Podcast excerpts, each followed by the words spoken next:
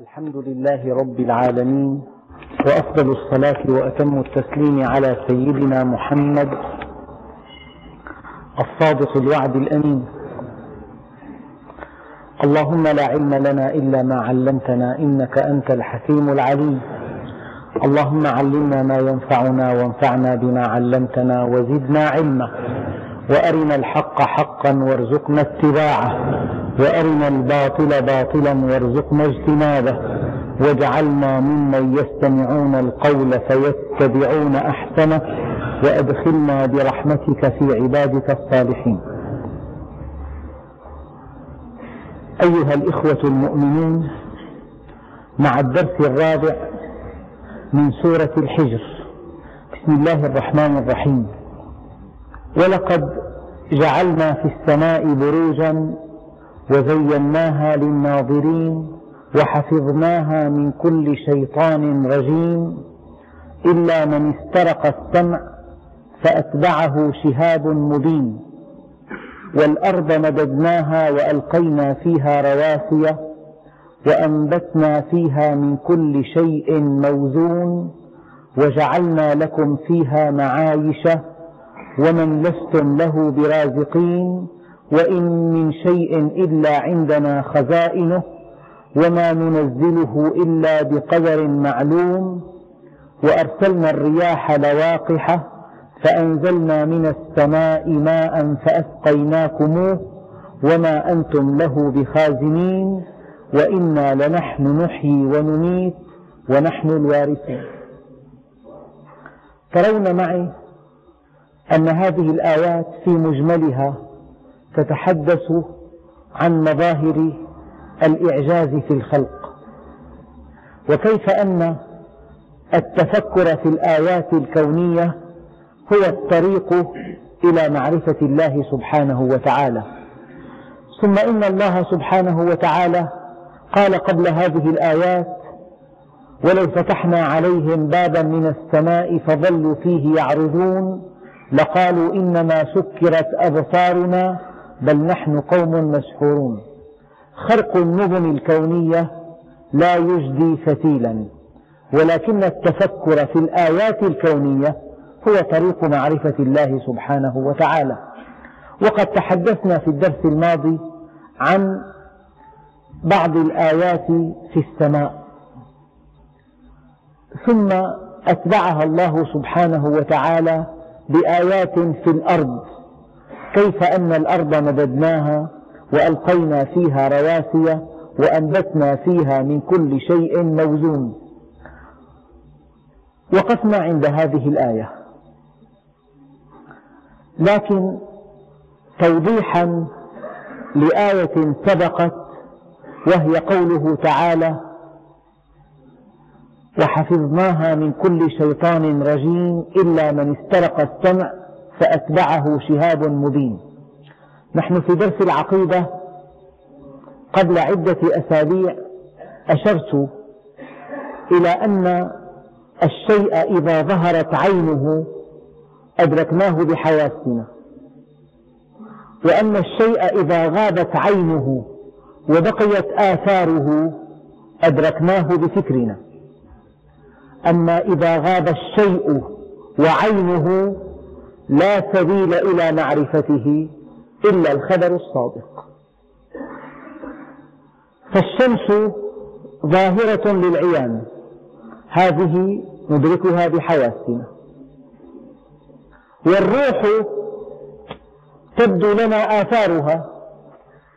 فنستدل على وجود الروح في الإنسان بحركته ونطقه وسمعه وبصره. وأما الشيء الذي غاب عنا غابت عنا عينه وغابت عنا آثاره. فلا سبيل إلى معرفته إلا عن طريق الخبر الصادق. عالم الجن مغيب عنا والدليل قوله تعالى إنهم يرونكم من حيث لا ترونهم. إذا عالم الجن مغيب عنا السبيل إلى معرفة هذا العالم هو الخبر الصادق. والله سبحانه وتعالى أخبرنا أن الجن مكانهم في الأرض والملائكة مكانهم في السماء. فإذا أراد الجن أن يجاوزوا الحدود ليسترقوا السمع ليعرفوا أخبار السماء يأتي شهاب ثاقب فيحرق هذا الجني الذي سولت له نفسه أن يسترق السمع كل ما نملكه من معلومات حول هذا الموضوع هذه الآيات. لذلك لا أنا ولا غيري يستطيع أن يزيد عليها شيئا. إلا أن الذي قلته في الدرس الماضي. إن الشهب لها تفسير علمي. وهذا التفسير العلمي لا يتناقض مع ما في كتاب الله بل يتكامل معه. الشهب كويكبات خرجت من مدارها فسقطت في جو الأرض في أثناء احتكاكها بالطبقة الهوائية تشهبت وتلاشت. النيازك تصل إلى الأرض. لكن الشهب تتشهب في جو السماء.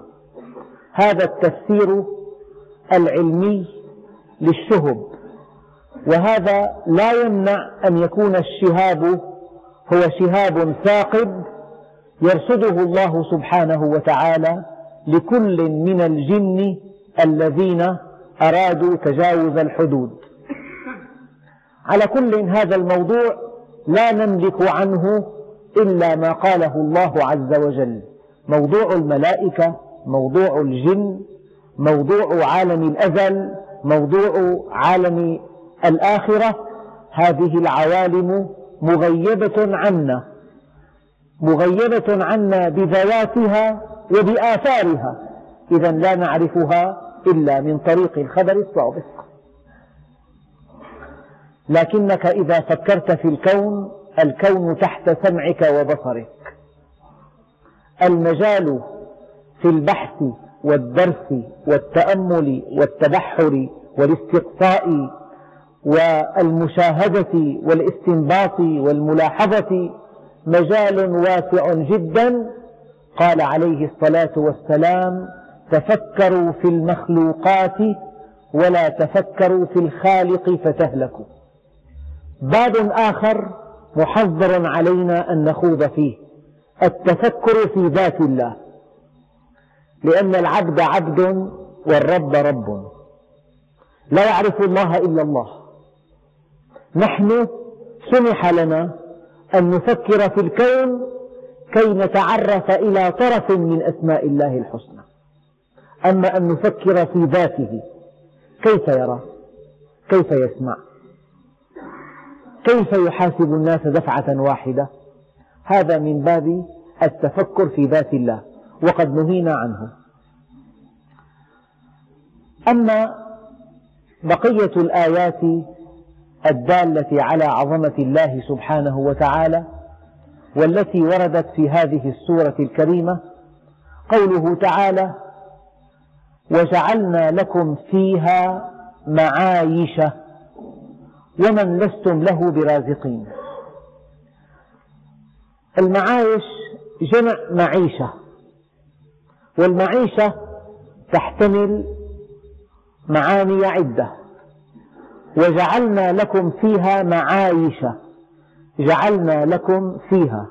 هذه الهاء تعود على الأرض لقوله تعالى والأرض مددناها وألقينا فيها رواسي وأنبتنا فيها من كل شيء موزون وجعلنا لكم فيها.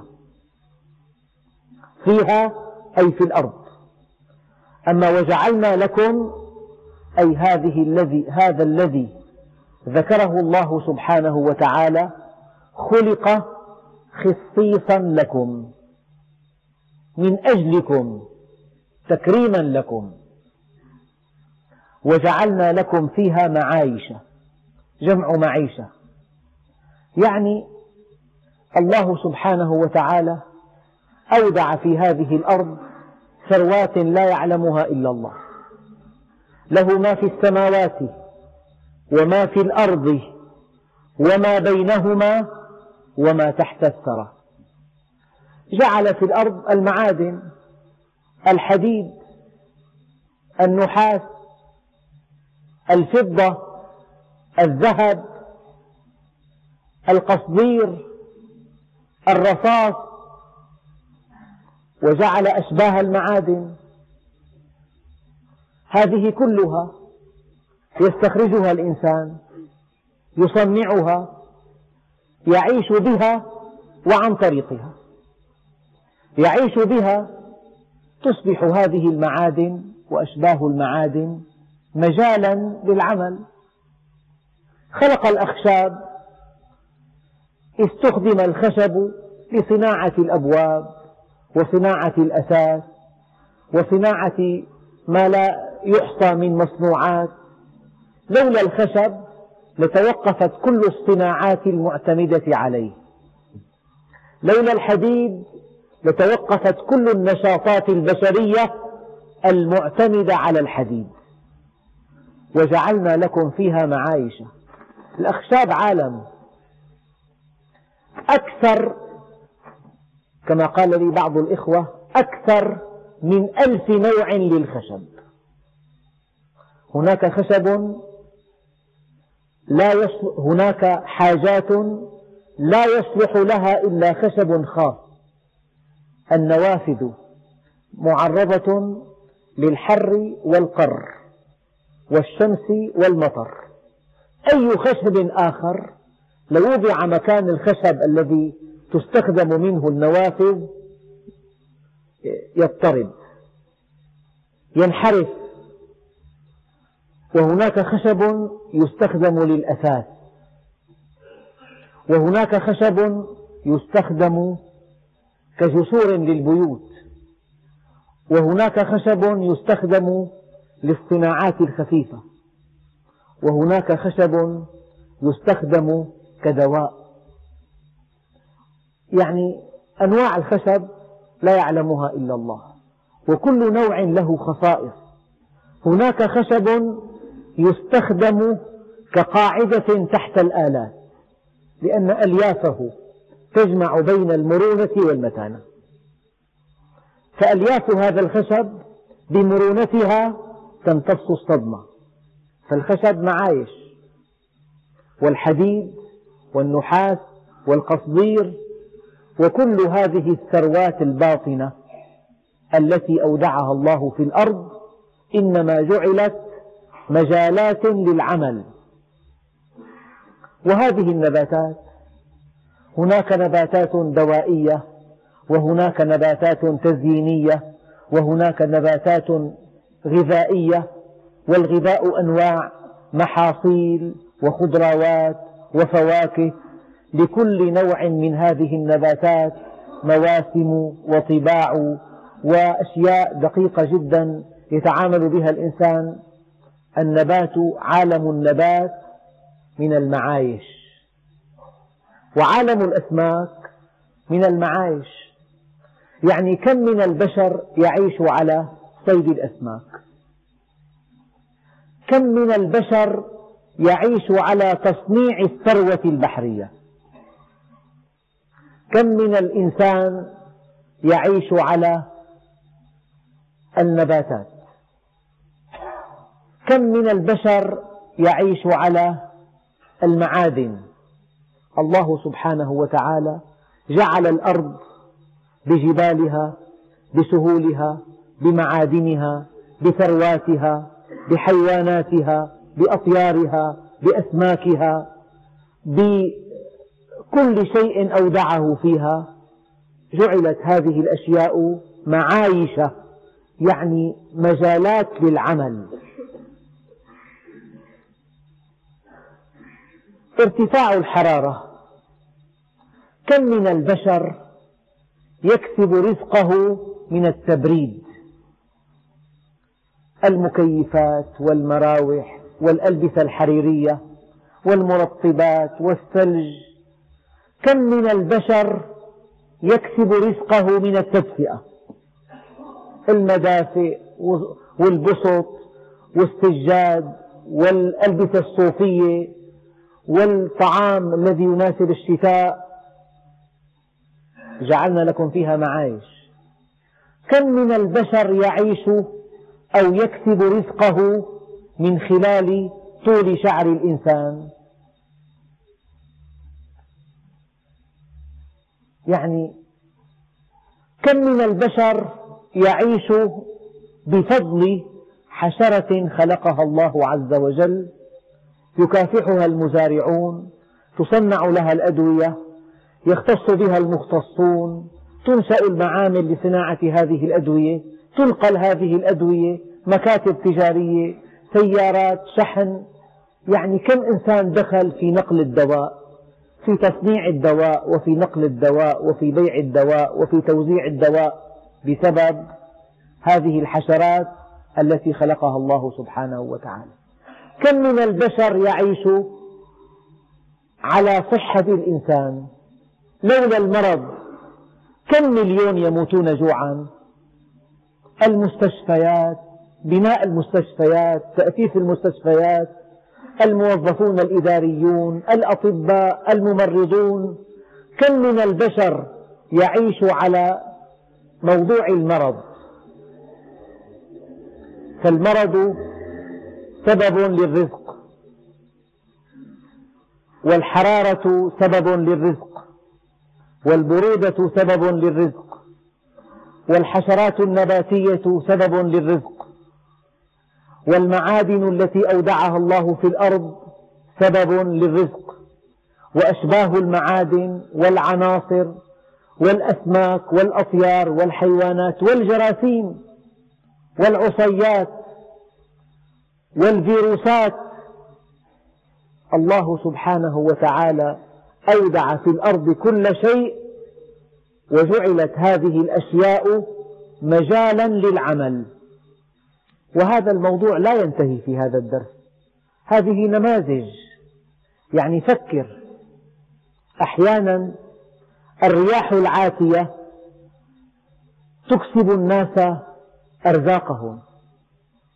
أحيانا بعض النكبات مصائب قوم عند قوم فوائد سبحان رازق, رازق العباد.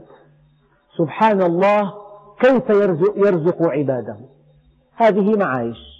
الشيء الثاني والأخطر أن الله سبحانه وتعالى أودع في الإنسان إمكانات كسب الرزق. أعطاه الفكر. أعطاه قدرة على التعلم.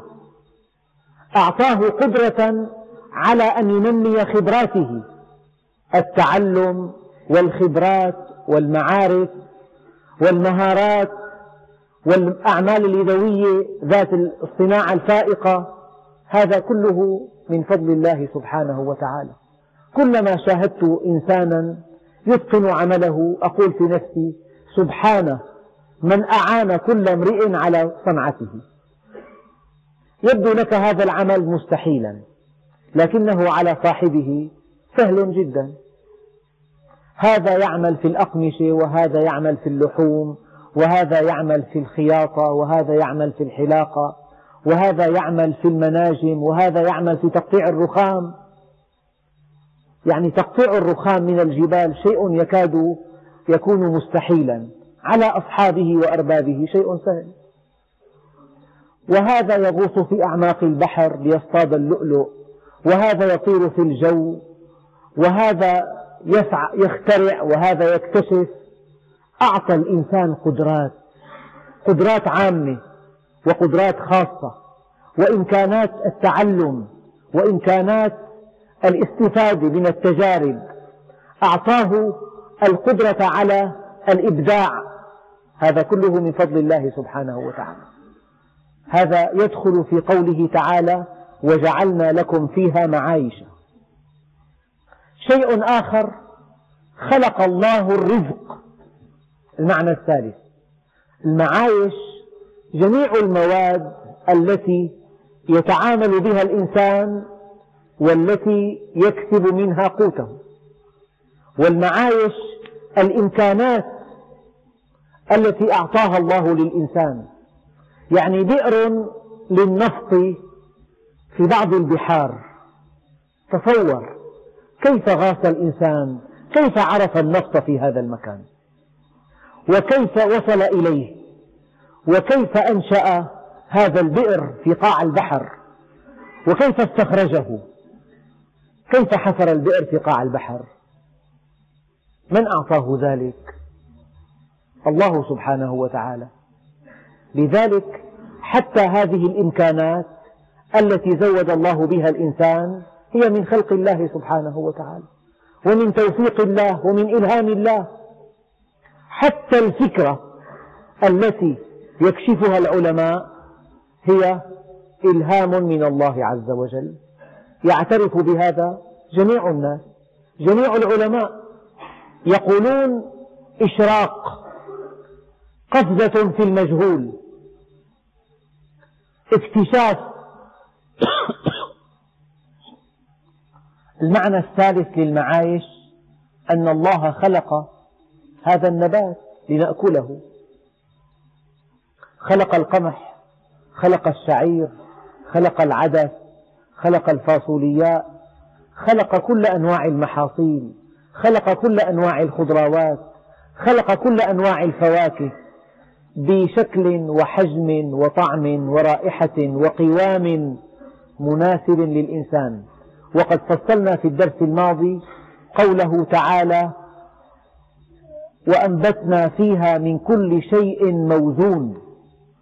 الله سبحانه وتعالى جعل هذا الرزق بحجمه بكميته أولا بكميته وحجمه ولونه وشكله وطعمه وقوامه وطريقة الوصول إليه وطريقة نقله وطريقة حفظه وطريقة فساده. فساد المحاصيل نعم من نعم المولى.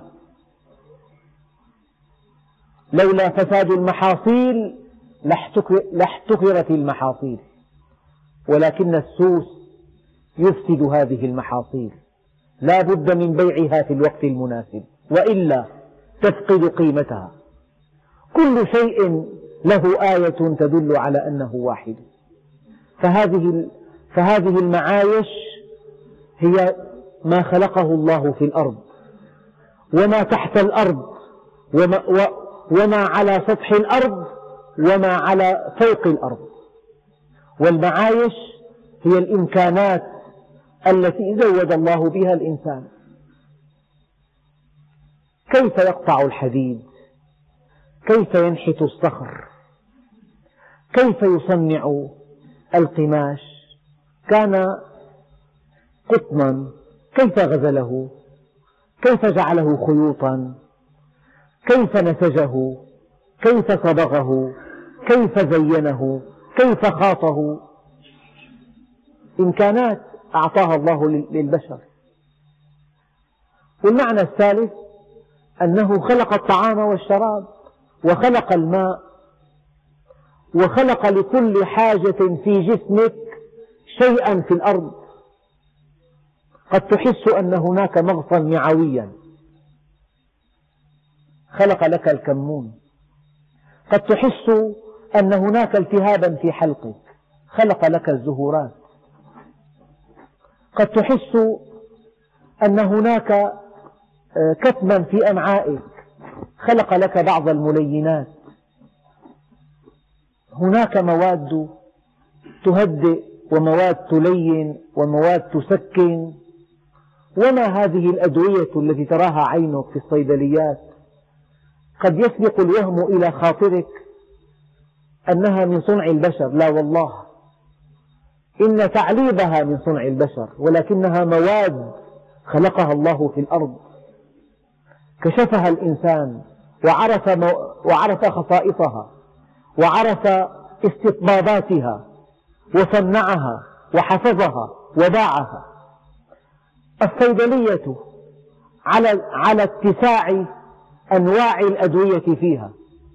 إن هذه الأدوية كلها أساسها مواد نباتية أو كيميائية خلقها الله سبحانه وتعالى.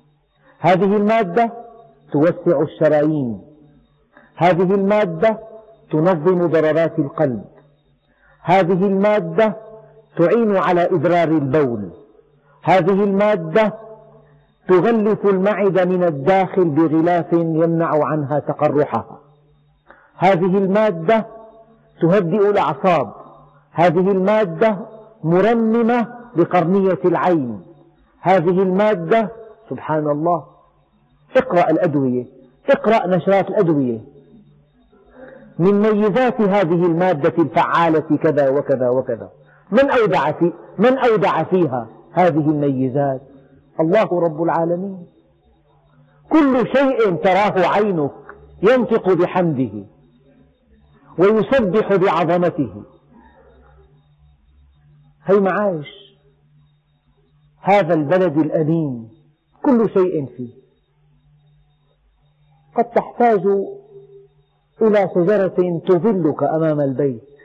هناك أشجار مهمتها الوحيدة أن تكون مظلة لك. أوراقها دائمة الخضرة. حجمها مناسب. دوحتها مناسبة. منظرها جميل. هناك أشجار مهمتها أن تعطيك عود الأراك. كي تنظف به أسنانك. سبعون مادة أودعها الله في السواك. معطرة ومطهرة ومقوية للثة إلى ما, هو ما, لا, ما لا يعد ولا يحصى. هناك نبات خلق من أجل أن تنظف فيه ما بين أسنانك. الخلة هناك نبات خلق من أجل أن تنظف بثمرته جلدك. هذا الليف الطبيعي. هناك نبات جعل لك من أجل إمتاع العين أنواع الأزهار أنواع الأطفال. ألوان تأخذ بالألباب أنواع لا تعد ولا تحصى. نبات يعيش في الصالونات من أجلك. إذا جلست في غرفة الجلوس فهناك نباتات خاصة لهذه الغرفة من أجل أن تمتع عينيك بها وتسبح الذي خلقها. وهناك نباتات تعيش في الصحراء ونباتات تعيش في الأنهار وفي البحار وفي كل مكان. هناك نباتات لها طباع تتآلف مع جو الأرض. هي معايش؟ وهذا والله الذي لا إله إلا هو غيض من فيض. أحس أن قدرة اللغة عاجزة عن توضيح كل شيء وأن ضيق الوقت لا يكفي لتوضيح كل شيء وأن كل كلمة في كتاب الله مشحونة بطاقات تعبيرية لو أمضينا كل حياتنا لما استنفذناها وهذا يؤكده قوله تعالى قل لو كان البحر مدادا لكلمات ربي لنفد البحر قبل أن تنفد كلمات ربي. ولو جئنا بمثله مددا يعني بحار الأرض البحار المحيطة والمحاطة. البحار في الأرض أربعة أخماسها. أربعة أخماس مساحة الأرض بحار. وما القارات الخمس؟ آسيا أوروبا إفريقيا أستراليا أمريكا. إلا أوروبا إلا خمس الأرض. وهذه البحار تزيد أعماقها في بعض الأماكن عن اثني عشر كيلومتر تحت الأرض. لو أن البحار كلها ومثلها أيضا كانت مدادا أي حبرا لكلمات الله سبحانه وتعالى ما نفدت. قل لو كان البحر مدادا لكلمات ربي لنفد البحر قبل أن تنفد كلمات ربي ولو جئنا بمثله مددا. ومن أما ومن لستم له برازقين؟ قال بعض المفسرين إنها الحيوانات التي يتولى الله سبحانه وتعالى رزقها. الله سبحانه وتعالى يتولى رزق هذه الحيوانات. في الأرض حيوانات في الجبال حيوانات في أعماق البحار حيوانات. في كل مكان حيوان يسبح ربه ويتولى ربه رزقه. وما من دابة إلا على الله رزقها. الدابة جاءت نكرة. وهذا, وهذا التنكير تنكير الشمول والمن لاستغراق أفراد كل نوع على حدة. ما من دابة إلا على الله رزقها. يعني حصرا وعلى الله على سبيل الإلزام. ومن لا يرزقها هذه الأعضاء التي في جسدك لها رزق الله يرزقها. البنكرياس له رزق خاص يأتي به الدم. وقرنية العين لها رزق خاص. وخلط العين الزجاجي له رزق خاص والأشعار لها رزق خاص والعظام لها رزق خاص والعضلات لها رزق خاص والأمعاء لها رزق خاص والغدة النخامية لها رزق خاص وكل عضو وكل جهاز وكل غدة في جسدك لها رزق خاص يأتيها عن طريق الدم وأنت لا تدري.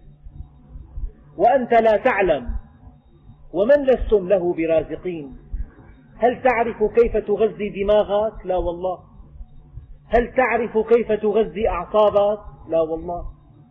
هل تعرف كيف يتغذى الجنين عن طريق المشيمة؟ ومن لستم له برازقين. هل تعرف كيف تتغذى الأسماك في البحار؟ لا والله. ومن لستم له برازقين. وإن من شيء إلا عندنا خزائنه وما ننزله إلا بقدر معلوم. إن من شيء يعني ما من شيء. وإن من شيء إلا عندنا خزائنه. يعني أي شيء يخطر في بالك خزائنه عند الله. لكن هذا التقنين الذي تراه عينك ما هو تقنين عجز؟ إنما هو تقنين حكمة وتقنين تأديب. تقنين حكمة وتقنين تأديب.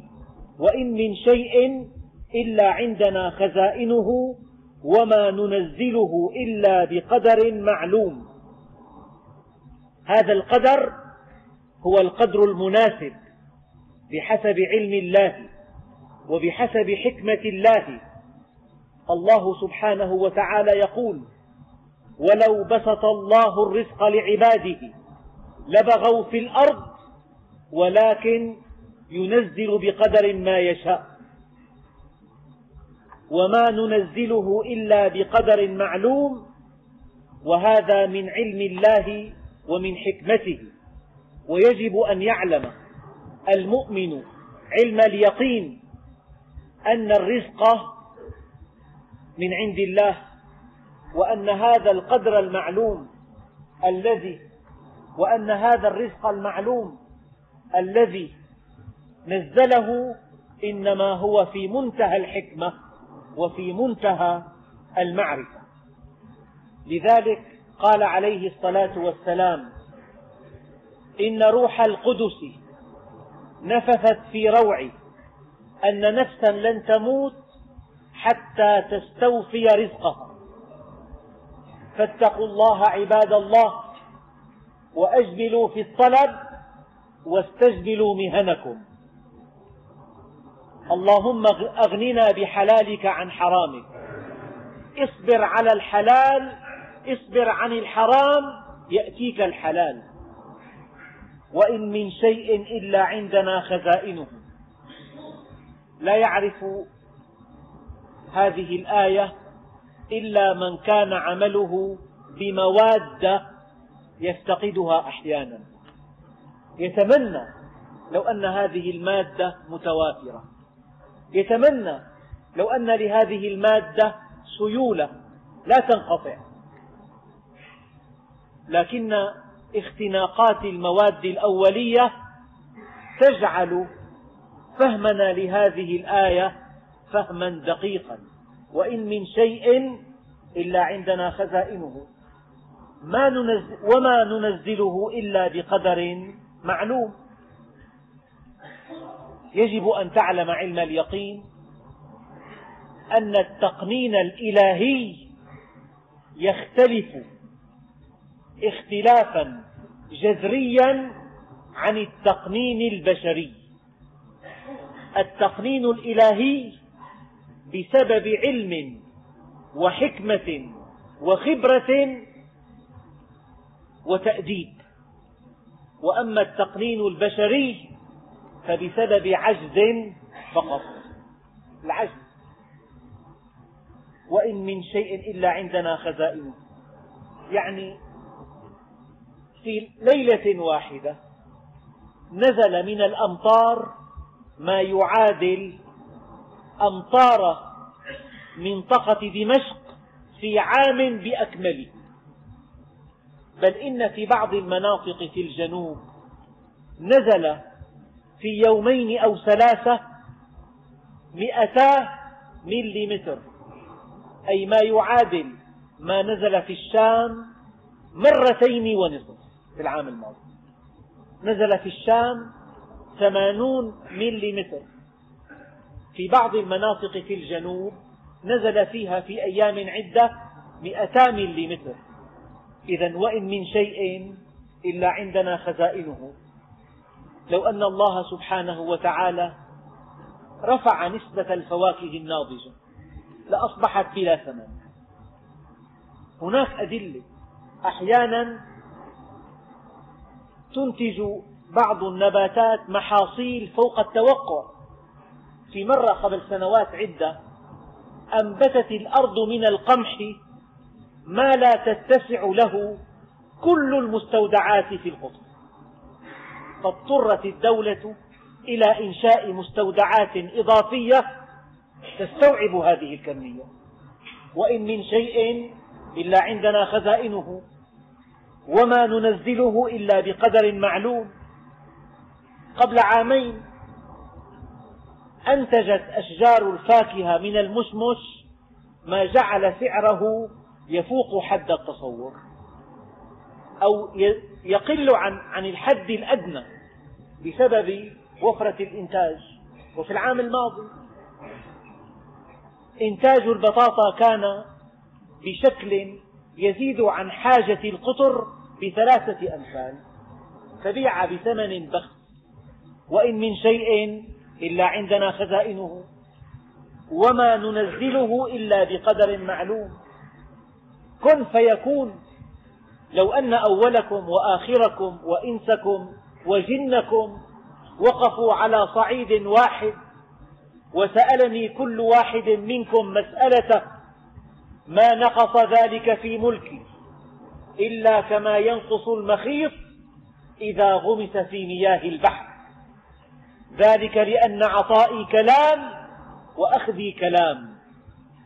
فمن وجد خيرا فليحمد الله. ومن وجد غير ذلك فلا يلومن إلا نفسه. وإن من شيء إلا عندنا خزائنه وما ننزله إلا بقدر معلوم.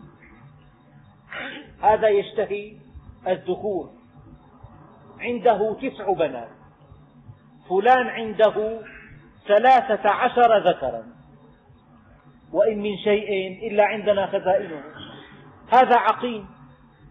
هذا نصيبه البنات فقط. هذا الذكور. هذا من هنا ومن هنا. يجب أن تعلم أن الله على كل شيء قدير وأن هذا الذي تراه عينك من تقنين في الأمطار أو في المواد ما هو إلا بسبب حكمة بالغة لو اطلعت عليها لذابت نفسك شكرا لله. لذلك من اتكل من اتكل على حسن اختيار الله له ما تمنى الحالة التي ما تمنى حالة غير الحالة التي هو فيها. لأنه ليس في الإمكان أبدع مما كان. أي ليس في إمكانك أيها الإنسان أبدع مما أعطاك الله سبحانه وتعالى. وأرسلنا الرياح لواقح فأنزلنا من السماء ماء فأسقيناكموه وما أنتم له بخازنين. نهر الأمازون غزارته في الثانية الواحدة. في الثانية الواحدة. ثلاثمائة ألف متر مكعب في الثانية. في كل ثانية على مدار السنة. أين الخزانات لهذا النهر؟ أي جبال تتسع لهذا لهذه المياه؟ أين الخزانات؟ ثلاثمئة ألف متر مكعب في الثانية. غزارة نهر الأمازون. أين الخزانات؟ وما أنتم له بخازنين. يعني أنشئ خزانان متواضعان جدا يشبهان إلى حد ما إلى حد ما طريقة التخزين الإلهية. يعني أربعمائة متر تحت سطح الأرض عمق الخزان. ويتسع لاستهلاك دمشق ليومين أو ثلاثة هذا كلف ألف مليون. خزان متواضع جدا. كي يسد الحاجة لأيام عدة. ألف مليون. أين خزان نهر التايمز مثلا؟ أين يقع؟ خزان نهر الدانوب. خزان نهر النيل. خزان الأمازون. أين, أين هذه الخزانات؟ إذا كان خزان نبع الفيجة يمتد من دمشق إلى حمص ومن وسط لبنان إلى سيف البادية. هذا خزان نبع الفيجة الذي غزارته ستة عشر متر مكعب في الثانية. وما أنتم له بخازنين؟ لو أن الله سبحانه وتعالى ألغى الينابيع والأنهار وجعل الأنهار وحدها طريقة لتخزين المياه. واضطررنا أن نجمع مياه الأمطار لنخزنها في بيوتنا كي نستهلكها على مدار العام. كيف نصنع هذه الخزانات؟ إن كل بيت يحتاج إلى مثل مساحته. ومثل حجمه خزانا.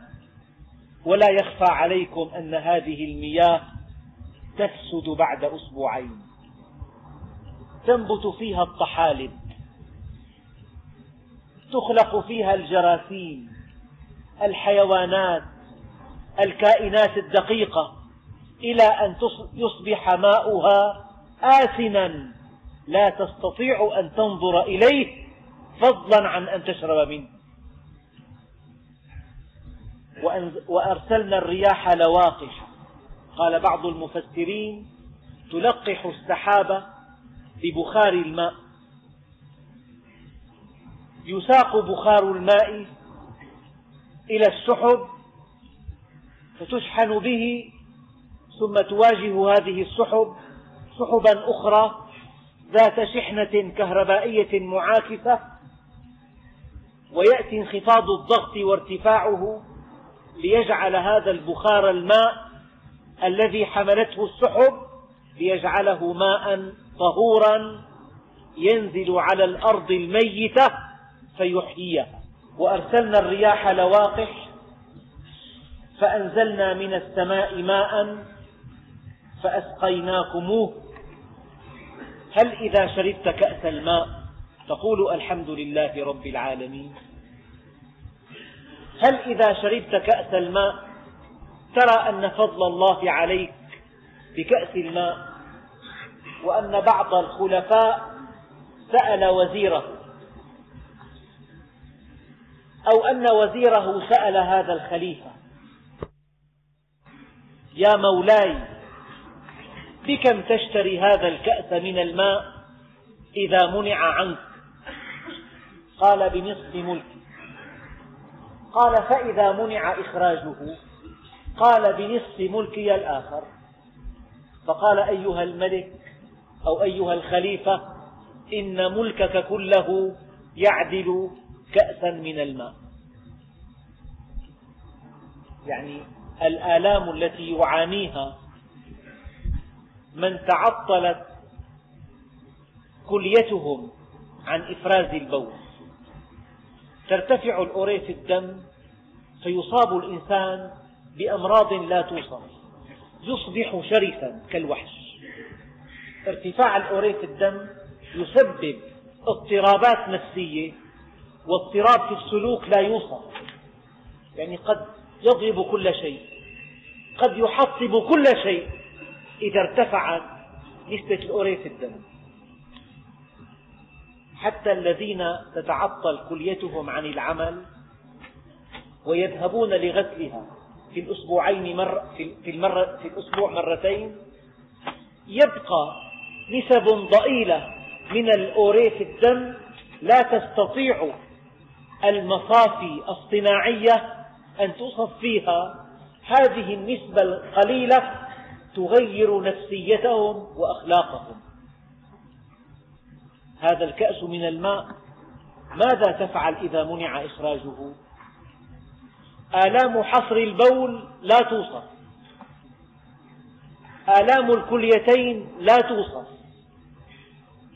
آلام انسداد المستقيم لا يوصف. لذلك وأرسلنا الرياح لواقح فأنزلنا من السماء ماء فأسقيناكموه وما أنتم له بخازنين. لا تستطيعون خزن الماء. هذا يفوق طاقتكم. هذا فوق إمكاناتكم. إن تحلية الماء فقط. بلغني أن لتر, لتر الماء الذي يحلى من مياه البحر يكلف الدولة أربعة ريالات. ضرب ستة يعني كل لتر ماء يحلى من ماء البحر يكلف ما يقارب الخمسة والعشرين ليرة سورية. فهذا الكأس من الماء كم يكلف؟ بعض السذج يتوهم أنه دفع ثمن الماء. لا يا أخي هذا الذي تدفعه لمؤسسة مياه عين الفيجة هذا ليس ثمن الماء. هذا ثمن بعض الخدمات. ثمن حفظ هذه الينابيع وإيصالها إلى المدينة وفتحها على شكل صنابير ثمن الماء لا يقدر بثمن. فإذا شربت كأس ماء فقل الحمد لله رب العالمين. لو أن الماء كله ملح لو أن الماء كله ملح أجاج ماذا نعمل؟ هذا عذب فرات وهذا ملح أجاج فأنزلنا من السماء ماء فأسقيناكموه وما أنتم له بخازنين وإنا لنحن نحيي ونميت ونحن الوارثون. لا تقل هذا بيتي هذا البيت ليس لك. إن الله يرث الأرض ومن عليها ومن فيها. ليس هذا البيت بيتك وليس هذا المحل محلك وليس هذا المال مالك. إنه عارية مستردة. أحد البداة كان يقود قطيعا من الإبل. سئل لمن هذا القطيع؟ قال هو لله في يدي. لله في يدي. وإنا نحن لنحن نحيي ونميت. ونحن الوارثون.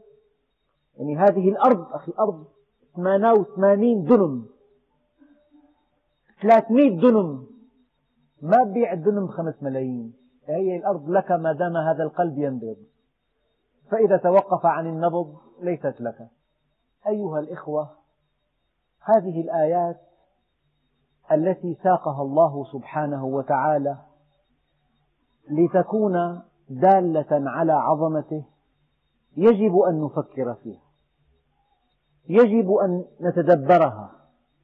لما ربنا عز وجل قال وما أنتم له بخازنين يجب أن نفكر في هذه الآية.